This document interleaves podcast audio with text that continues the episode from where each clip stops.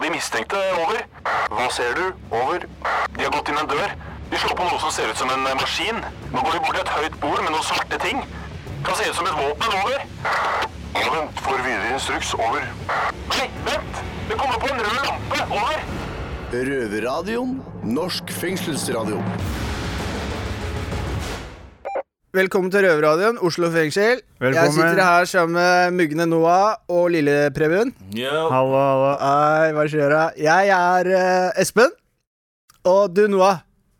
Hva skjer? Hver gang jeg går forbi den cella di med vannvogna mi, så er du sånn der eh, grinetryne og du, du Det er fordi at eh, den døra går opp og igjen ganske mange ganger om dagen.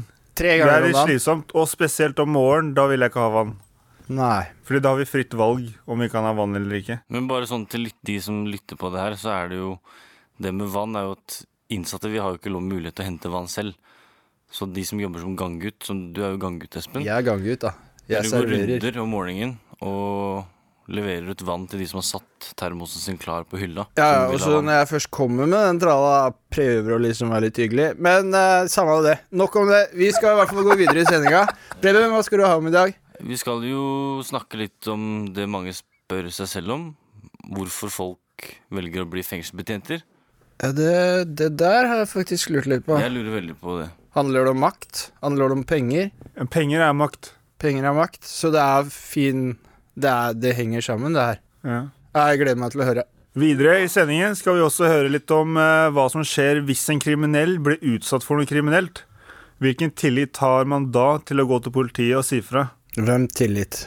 Ja, hvilken tillit? Det er et veldig godt spørsmål. Eh, Det skal vi høre mer om. Og vet du hva?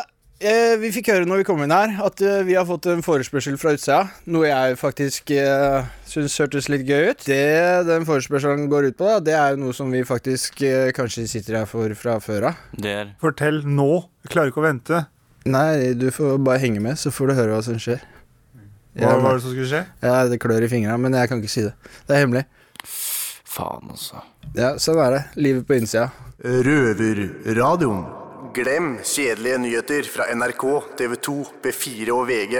Det her er fengslende nyheter. Må jeg få lov til å be om en mer profesjonell, eksplosiv holdning til tingene, takk? Hei, og velkommen til Fengslende nyheter fra Oslo fengsel. Jeg, Preben, sitter her i studio med Espen. Hva er første nyhet ut? Vi begynner her i Oslo fengsel, hvor innsatte klager på at fengselet ikke har fått skrudd på sentralfyringen, som igjen gjør det ekstra kaldt på cellene, selv om vi har kommet oss i november måned. Stemmer det, Espen. Over til neste nyhet. Nå har endelig kjøkkenet i åttende avdeling åpnet. Etter en lang oppussingsperiode kan vi innsatte nå lage vår egen mat. Da setter vi over til damene på Bredtvet. Det kuttes i budsjettet på Bredtvet kvinnefengsel. Før fikk vi det meste av de grunnleggende hygieneartiklene, men nå skjerpes det ytterligere inn, så vi må kjøpe truseinnleggene våre sjøl. Og så kan vi melde at her på Bredtvet kvinnefengsel ble vi ikke lenger låst inn på cella når vi er syke. Det er kommet en avklaring på rutiner rundt innlåsninger i avdelingene.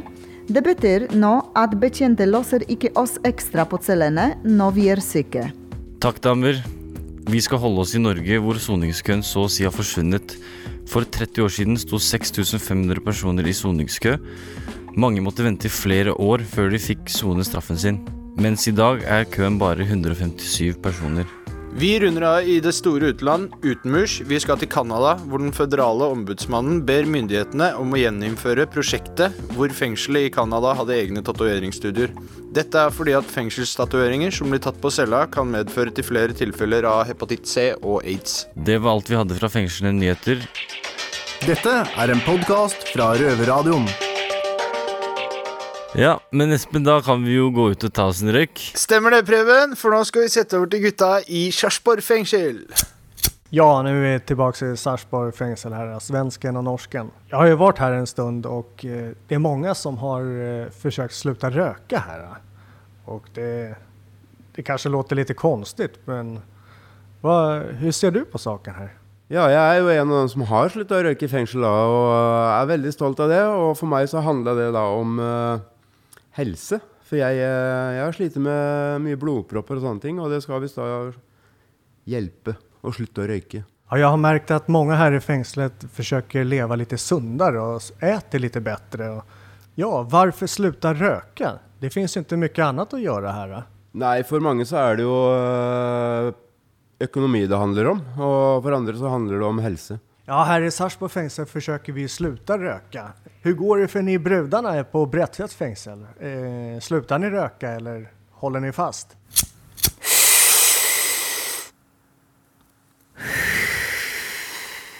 Det er jo veldig mange som enda røyker. Jeg er jo en av dem. Det er jo veldig mange som også har slutta å røyke pga. røykesluttet. Det stemmer jo, og det er jo fordi at de ikke får lov å røyke inne på cellen eller eh, inne i det hele tatt. De Nei, det, det er vanskeligere å rett og slett uh, få tatt den uh, femminutteren uh, og røyke. Spesielt hvis du sitter på enkelte avdelinger hvor du bare får adgang til å røyke noen få trekk tre ganger i løpet Mm. av døgnet. Så Ja, ja, det er helt klart. Så det stedet du kan røyke mest, det er jo faktisk når det er lufting. Da får du røyken din en hel time. Ja. Og hvis du kommer over på åpen avdeling. Men Ja, selvfølgelig da også. Konklusjonen, Heidi? Ja, den må jo være at eh, dem som eh, blir nyinnsatt i fengselet, vil ha det mye lettere når det gjelder å slutte å røyke, i og med det at de har så begrensa adgang til det. Men hvor rettferdig det er, er jo en annen sak. Jeg syns det burde lette i hvert fall den første måneden, for det er tross alt livskrise Ikke i sant? livet deres. Du kommer inn og kanskje sitter på fullisolasjon nå i tillegg. Ja, ja, så lov å litt, litt beroligende røyking syns jeg de burde få. Helt enig, myk overgang. Ja. Så jeg Men håper lykke dere- til til guttene i Sarpsborg. Håper dere lykkes med deres prosjekt. Ja, og at dere er fornøyd med svaret vårt. Ja.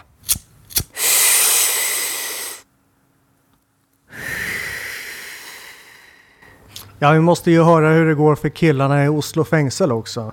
Finns det en trend att ni också försöker sluta röka eller hur ser det ut?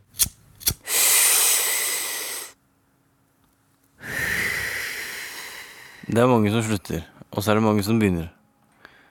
Når du kommer inn, så får du utdelt en tobakk. Og det er gjerne ofte at de legger den på bordet til deg, selv om du kanskje ikke er en røyker.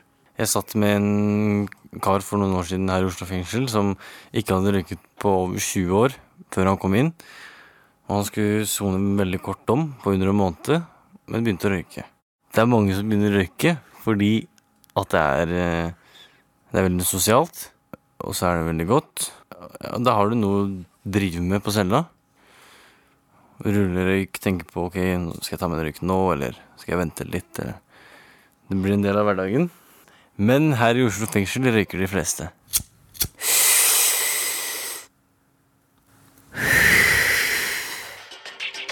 Dette er en podkast fra Røverradioen.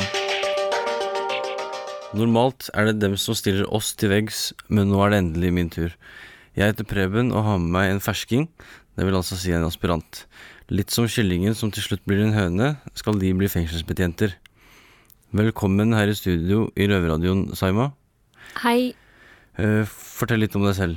jeg eh, begynte med fengselsbetjentutdanningen nå i januar 2017. Eh, Begynte i Oslo fengsel som praksis i, fra sommeren, og trives veldig godt her. Hvorfor har du valgt å bli fengselsbetjent? Eh, Det hørtes spennende ut, og jeg hadde lyst til å prøve noe nytt etter å ha jobba som vekter i fem år. Um, har hatt mange bekjente som har sagt mye positivt om det yrket, da. Så jeg ville prøve meg fram. Ja, jeg lurer på en ting. Um, er du fortsatt deg selv når du tar på deg uniformen og skal på jobb, eller går du inn i en slags rolle? Um, jeg syns jeg er veldig, veldig meg selv. På begynnelsen kanskje jeg var litt mer ikke så uh, åpen. Uh, var ganske sjenert, og det var nytt for meg. Fengsel, aldri vært inne i fengsel før. Eh, så syns det var litt rart på begynnelsen. Mm. Men nå, nå syns jeg det går veldig fint, og jeg åpna meg, og syns jeg får en god dialog med innsatte også, og, og ansatte. Det har jeg fått inntrykk av også. Uh, er du vennlig i møte med alle innsatte, uansett hva de soner for? Ja, stort sett alt. Ehm, Jeg prøver å snakke med de aller fleste. Det er ikke alle som ønsker å snakke med en gang. De ser en betjent, aspirant, hva det måtte være. De ser bare uniformen, ja. Ja, de ser uniformen, og så Mm. Er det liksom det. Men eh, jeg prøver i hvert fall å hilse, og så prøver å se om de har lyst til å prate. Ja. Og eh, prøver stort sett å ta den innkomstsamtalen, da, hvis Mm. jeg får muligheten til det. Hvordan burde forholdet mellom innsatt og betjent være, syns du? Jeg syns det burde være eh, på den måten at man kan snakke åpent med hverandre. Uh, inns- De fleste innsatte har jo mest kontakt med de, de som er kontaktbetjent for dem, da. Det er jo mest fordi at de har en slags mer bedre relasjon med hverandre. Hvordan er det å være aspirant? Jeg trodde ikke jeg kom til å like det så mye. For jeg savna den gamle jobben med en gang jeg begynte som på cruise. Ok. Eh, Men eh, etter at jeg begynte i fengselet, så syns jeg det er spennende. Vi lærer ganske mye. Veldig hyggelige kollegaer. Og eh, så jeg trives kjempegodt og har lyst til å jobbe her i fremtiden. Aldri vært redd? Eh, jo, på, på begynnelsen så var jeg ganske redd. Eh, var litt sjenert overfor eh, ser så mange innsatte. Mm. Var redd for å bli lurt. Så ja. Har du blitt lurt av noen innsatte noen gang? Eh, ja, det har jeg. Okay. Det var ut, inne på fellesskapsrommet, og jeg var ganske flau etter det. Ok. Hva var det som skjedde? Eh, På den avdelingen jeg jobber på, det er jo halve siden som har fellesskap. Eh, Den andre siden, jeg hadde med meg en innsatt, prata med han, og så klarte han å lure seg ut på fellesskapsrommet. Og jeg satt jo også med han ute på fellesskapsrommet, vi spilte kort, og eh, til slutt så fant jeg at oi, du skulle vært innlåst. Ja, ja. Men det skjer jo. Det skjer. Um, det jeg la merke til, det var ingen andre innsatte som sa noe heller. Det var ingen som Det er ikke til å unngå å bli lurt i et fengsel hvor det er, sitter bare luringer. Ikke sant? Ja, jeg har sikkert blitt lurt flere ganger. Er Mm. bare ene gangen som jeg la merke til. Ja. Så, mm. Ja, har du fått uh, noen reaksjoner fra familie eller venner angående det yrket du har valgt da, som fengselsbetjent? Um, ikke egentlig. Eller eh, i hvert fall ikke fam familien. Eh, faren min jobber mye med det samme, så han anbefalte meg dette her. Men Så du har- har bra støtte fra familien, da? Ja, ja, ja. Det er bra. Mm. Jeg lurer på hva du syntes om maktmisbruk i fengselet? Um, jeg har ikke vært så veldig mye borti det selv ennå. Um, som jeg sa, at vi, jeg er på åttende avdeling. Ja. Det er ikke så veldig mye Mm. uh, av sånt der. Men uh, nå lurer jeg liksom på hva, hva mener med makt har- om som innlåsninger, så Ja, et lite eksempel er at det fins enkelte som nyter å låse døra, og gjerne låser ut eh, til fellesskap litt for seint, og låser gjerne inn et par minutter for tidlig. Jeg har vært borte i, til flere tilfeller, og det er det flere Mm. andre innsatte også. Men du har ikke merka noe til det? nå, nå vil jeg jo helst snakke for meg selv, da. Ja. Uh, det har uh, vært Altså noen ganger at vi kommer litt seinere, men det er fordi vi driver med noe annet. Mm. Eh, det er noe annet som kommer, har kommet i veien. Men eh, vi pleier stort sett å holde den tiden. Eh, det er noen ganger vi må ha, begynne med innlåsninger tidligere, fordi at Mm. folk begynner Eller går ikke inn med en gang, da. Så Mm. da må vi starte tidligere for å få Mm. alle inn til det rett tidspunkt. Okay. Mange innsatte føler at aspiranter kan være usikre i jobben sin i starten, og at det ofte kan lede til at de er ekstra strenge og liksom tøffe i måten de oppfører seg på. Hva tenker du om det? Jeg tror jeg er litt sånn mer omvendt. På begynnelsen så var jeg Mm. ganske rolig og ville helst bli kjent med innsatte før jeg blir litt mer Ikke strengere, men kanskje tydeligere. Mm. Um, jeg føler ikke at jeg er veldig, veldig streng. Um, jeg kan være tydelig på ting. Det er Mm. fordi at eh, hvis folk misbruker, Mm. så Mm. må man på en måte. Um, men sånn usikermessig, så vi har jo med oss eh, veiledere. Vi alle aspirantene har jo noen veiledere som vi har snakket med, og så jeg har jo også en. Um, jeg har fått masse hjelp av han. Jeg pleier å spørre han om hjelp hvis det er noe jeg lurer på om Ja, så kjenner jeg han veldig usikker. godt. Han Du er- kjenner også veldig godt, ja. Mm. Veldig kul kar. ja. Er det forskjell på mannlige og kvinnelige betjente, tror du? Um, ikke som jeg har lagt um, merke til. Kanskje innsatte syns det. Jeg vet ikke, jeg, jeg syns personlig det er, det er ikke noe forskjell Kanskje noe forskjell. Jeg syns det er veldig vanskelig, i hvert fall hvis det er en veldig liten dame som er yngre enn meg, og Ja. mindre fysisk, som skal låse meg inn eller fortelle meg hva jeg skal gjøre, det kanskje merker jeg kan bli litt vanskelig av og til. Mm. Ja. Vi kan gå videre, vi. Er det noe du vil spørre meg om? Um, ja, kanskje. Hva syns du om den avdelingen du er på? Du har jo vært på den avdelingen tidligere også, har du ikke det? Jeg sitter jo på åttende avdeling. Nå så er jo det et av de beste stedene du kan sitte i Oslo fengsel. Mm. I og med at avdeling A er lagt ned. Men jeg, jeg må innrømme at jeg er skuffet over at det ikke er flere goder, da, eller mer fellesskap, Ja. enn det der. Det syns jeg det skulle vært. Eh, og i hvert fall kjøkkenet har vært ute av drift ganske lenge. Mm. Og det var en av de største godene vi hadde. Så jeg merker liksom ikke så stor forskjell på å sitte i åttende eller niende, tiende. For det er like mye fellesskap som i åttende. Det Ja, er, stemmer. eh, Det er seks timer vi har i uka.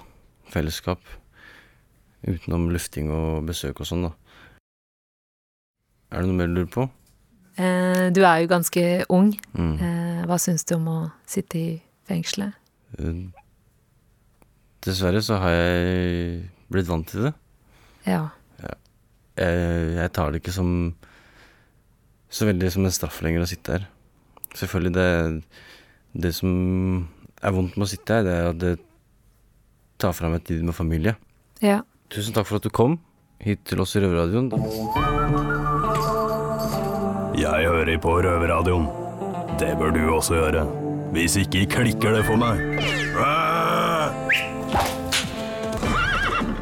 Hei, hør etter nå, alle mestertyver, skapsprengere og hobbydyrkere. Vi har fått i oppdrag om å få opp et 40-50 år gammelt pengeskap hos Norsk Musikkforlag, hvor det antagelig skjuler seg en del skatter. Jeg heter Espen, og jeg står her sammen med Preben. Yeah. Halla. Altså, La oss ta dette en gang til. Vi har fått i oppdrag om å åpne et 40-50 år gammelt pengeskap hos Norsk Musikkforlag. Preben, hva slags folk er det vi ser etter? Vi ser jo etter eh, rutinerte folk. Eldre, gamle Sånn Egon Olsen-type folk. En skikkelig Egon Olsen, eller en Dynamitt-Harry hadde vært litt fett, så det blir litt uh, liv. Ja. Men uh, tror du ikke det at uh, også den yngre garde har mye de kan bidra med her, da? Jo, selvfølgelig. Det har jo kommet ganske mye verktøy eh, som gjør det lettere å komme seg gjennom eh, både metall, betong og alt som kan skjule seg et pengeskap. Riktig verktøy, så kommer man seg gjennom. Og så snakker vi om et 40-50 år gammelt pengeskap, da. Jeg vet ikke, jeg kan tenke meg at eh, det er kanskje litt lettere å Det komme inn høres i ut som det. en lett jobb for meg, altså. Ja, det, kanskje, kanskje det her Altså, det er jo De har jo faktisk tatt kontakt da fra utsida for å få oss til å åpne opp dette skapet. det Hvor fett er ikke det? Det er helt rått. Det er rått. Vanligvis så hadde vi fått lange dommer for å åpne sånne pengeskap. Ja. Nå får vi servert det rett i hånda. Kanskje det er noe finnerlønn nå av det som er inni der. Vi håper jo det selvfølgelig er en stor pengesum. Vi skal i hvert fall ha 10 av det som ligger inni der. Minst. Håper ikke det er en haug med gamle noter. Håper det er en haug med gamle penger. Mm. Eh, de har jo klart å miste nøkkelen, så, så de trenger jo virkelig vår hjelp. Ja. Men Preben, hvor vanskelig er det egentlig å få opp et sånt pengeskap? Det er ikke vanskelig i det hele tatt. Du har jo god kunnskap på dette, du. Jeg, jeg, har- jeg har skåret ut noen safer. Mm, Ikke så mye, men jeg har jo hørt av en fyr at alt som kan settes sammen, kan tas fra hverandre. Dype ord, ass. Så det er noe vi må ta med oss videre. det er noe å bemerke seg. Ja, det er virkelig noe å bemerke seg. Så hvis du der hjemme tenker at dette er noe jeg får til, så skriv til oss på Facebook, eller ta kontakt med en av oss i luftegården. Røverradioen. Så skal vi sette over til damene i Bredtvet kvinnefengsel. Og de skal snakke om noe vi kriminelle elsker å hate, nemlig politi. Politi. Vi som sitter her nå, vi har blitt arrestert, vi har blitt satt på glattcelle, og vi har blitt kjørt til rettssalen. Innsatte sliter med ulike opplevelser angående norsk politi, så når vi er ferdig sånn, hvordan påvirker de erfaringene vi har hatt, fremtidige møter med purken? Jeg heter Miss Guinevere og sitter her med Helga og Heidi. Jenter, Ja. hva er det første dere tenker på når jeg sier politi? Jeg tenker selvfølgelig på det du sa om å bli arrestert og kasta på glattcella. Jeg tenker på eh, min mistro til politiet. At jeg- Mistro? Ja. Ok. Helga, hva tenker du på? Eh, når du når man hører eh, navnet politi, det første som kom i tankene mine, det er grunnfilaren i hvilken som helst eh, samfunnet for at menneskene skal føle seg, borgere skal føle seg trygge. Mm. Eh, og det er veldig viktig for at eh, påtalemyndighetene og politi eh, utøver den tryggheten for oss alle. Men eh, man kan ha forskjellige opplevelser. I min tilfelle så har jeg opplevd en urettferdighet. Dessverre så er det jo sånn at det er ikke alle politimenn som eh, håndhever loven sånn som man skal håndheves. Og vi har masse eksempler på hvor politiet gjør overgrep. Hvor politi også gjør ting som de slipper unna med, selv om det er oppe i media. F.eks. han eh, politimannen som eh, eh, Jente- jente, som hadde drukket seg full, som hadde vært på fest, og som skyter en som gjør innbrudd i et garasjeanlegg. Men han blir frifunnet. Ja, det er mange Eh, sånne jenter, saker jenter, også. jenter, det, det her er egentlig ikke det vi skal snakke om. Om selve yrkepolitiet og hva de gjør. Det er mer hvordan dere opplever politiet. Eh, hvis dere hadde hatt et innbrudd i huset deres, stjålet, det har blitt stjålet smykker fra, fra arv og langt tilbake og sånne ting, det er borte vekk.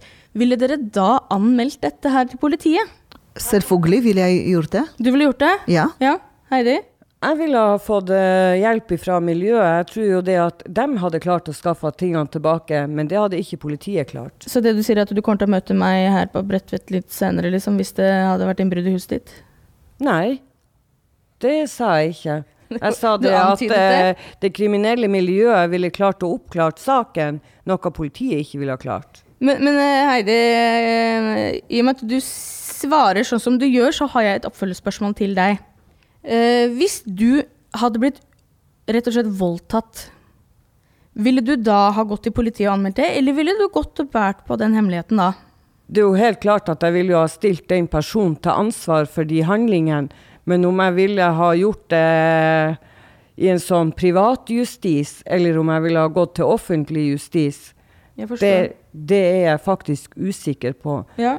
Og nå sitter jeg jo inne og skal bli en lovlydig borger, så da vil jo det rette være å gå til politiet. Hadde det vært en gang i verden, så ville jeg nok ha latt en eller annen venn i det kriminelle miljøet gitt han såkalt payback. Ok. Hvorfor tror dere at så mange tidligere straffedømte er så skeptiske til politiet når de selv har blitt lovlydige? Fordi at man har opplevd eh, maktovergrep fra politiet. At politiet ikke spiller helt med ærlige kort. Og de eh, forsøker å lure deg på, på mange måter. Ut det sånn katt og mus-lek. Og det er egentlig feil, for at eh, en sak skal alltid eh, bestå av beviser, beviser og etter beviser, og ikke det at politiet skal ty til sånne skitne triks for å få folk dom for enhver pris. Da, må, vi må begynne å runde av litt her, men jeg har et siste spørsmål til dere. Eh, Syns dere at det er noe politiet kan eller bør gjøre, eller er det egentlig opp til oss selv? For når vi er ferdig sona, så har vi jo for så vidt ikke noe å frykte fra dem. Om vi holder oss på matta, da, selvfølgelig. Eh, det som jeg syns at når man opplevde urettferdighet, man skal fronte dette og stå fram nettopp dette for å bruke dette, at sånne feil skal ikke skje noen andre. Men for all del så syns jeg at eh, man trenger politi, og vi Men, trenger men burde du gjøre noe annerledes, liksom? Ja, selvfølgelig. Og det er derfor at man eh, skal eh, fram med sakene som er kritikkverdige, og det skal fram i lyset for at nettopp at politi skal være bevis på at sånne feilene skal ikke skje mer. Ja. Vi har jo hørt at damene har snakka om politi og tillit. Noah her, og jeg står her med Preben. Og Preben, om du var i en situasjon hvor noen gjorde noe kriminelt mot deg, hadde du anmeldt det? Nei, Hvorfor? fordi det er hyklersk av meg som kriminell. Ja. Ja, det er Å gå til politiet. Men eh, altså Hvorfor er det sånn? Jeg ser på det litt som du kan ikke ha en fot på hver sin side. Du kan ikke liksom gå og anmelde at noe har skjedd mot deg, og så skal du gå og gjøre noe som noen andre kommer til å anmelde. Ja, nei, jeg ser jo den. Jeg Eh, tenker liksom, Hvis man har mye dritt i sekken sin, da. Ja. hvis man går til politiet og anmelder noen, så vil du bare få en kjip situasjon sjøl, tenker jeg. Så jeg ser den ene i det.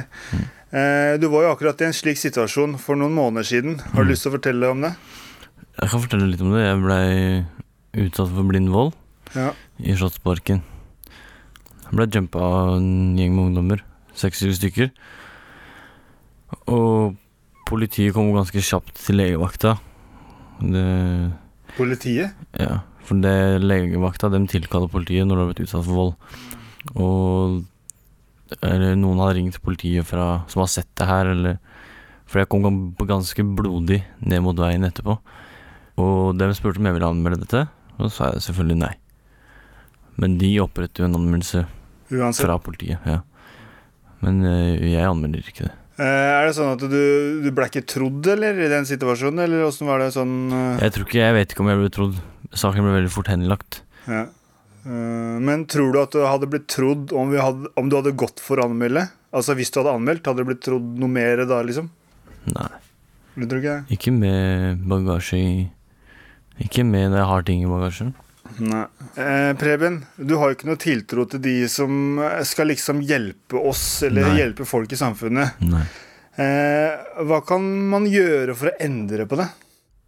Jeg vet ikke, de Når det gjelder politi Politiet burde jo høre like mye på en forklaring fra en kriminell som en som ikke er kriminell. Jeg vet ikke. Er det feil å si? Ingenting er feil å si. Nei, men uh, Jeg Jo, det blir jo sånn. Sånn som advokaten min sa, det er ikke uvanlig at uh, voldshendelser mot en som har kriminelt rulleblad, blir henlagt ganske fort. Det betyr at de ikke har lagt så stor etterforskning i det som de ville gjort hvis en for eksempel en uskyldig, eller en som aldri har blitt tatt for noe kriminelt, da, hadde blitt utsatt for samme volden, så hadde jo sikkert Det hadde stått på tekst-TV. Det sto ikke på tekst-TV når jeg fikk juling. Så Ja, så dem, eh, de som allerede er blitt dømt eller er, har gjort noe, det blir sett på som uglesett uansett hva som skjer rundt Ja. dem. Det er ganske Men jeg kan skjønne politiet også, på en måte. Åssen da? Det er jo sånn Jeg er kjent hos politiet for å ha brukt vold. Og så skal Jeg har fått smake egen medisin, rett og slett. Dette er en podkast fra Røverradioen. Da har vi kommet til den kjipeste delen av hele denne radiosendinga, og det er jo selvfølgelig da At du må på do. Nei Slutten, din idiot. Eh, fant du ut noe mer om det der betjentgreiene dine, Preben? Jeg blei litt klokere. Ikke så veldig mye. Hva blei du klokere på? Jeg fått, fikk en litt annet syn på enkelte betjenter. Ja, men Det er ålreit, da. Ja. Er det bra? Selvfølgelig er det bra. Det er Ja. jo de som uh, går og låser opp dørene våre. Hvis han har dårlig stemning med betjentene, så kanskje han ikke får komme ut så mye fra cella si som det han gjør. Oh ja, sånn ja. Røverradioen er tilbake på Radio Nova fredager klokka seks. Ellers kan du høre på Røverradioen på NRK P2 halv to på lørdager. Du kan også sjekke ut podkasten vår, som du kan høre på når du vil. Eh, tid, sted, ditten, datten. Videre. Hva skal du gjøre når du kommer opp på cella? Eh, jeg skal høre på Røverradioen. Det er koselig. Det er koselig. Det er veldig bra. Jeg fikk beskjed i morgenmøtet om at jeg måtte gjøre det. I morgenmøtet? Har du morgenmøter her? Ja. Ah, I Jeg har ikke gjort jobben min, Ja. så jeg må høre på Røverradioen. Da må du skjerpe deg. Hør på Røverradioen. Preben, Jeg, har du noen planer for resten av dagen? ja, jeg skal opp og ringe Til- til advokaten min for å få bytta han ut. For jeg er nødt til å gjøre det. Som dere hører, så bruker vi advokater som vi bruker dasspapir. Eh, bytter de ut hele tida. Lambi. kanskje. Nå Lambi? Ja. Ha det bra! Ha det! Det har vært stille fra over en time. Hva skjer? Over. Det er bare et radioprogram. Det er lettere å høre på dem der. Over. Ja, vet du når det går da? Over. Det er samme tid og samme sted neste uke. Over. Ingen vet hvordan det er å lage radio i fengsel. Bak murene. Send oss penger på Vips på 14403. Ja, det var 14403. Da er du jævla tøff.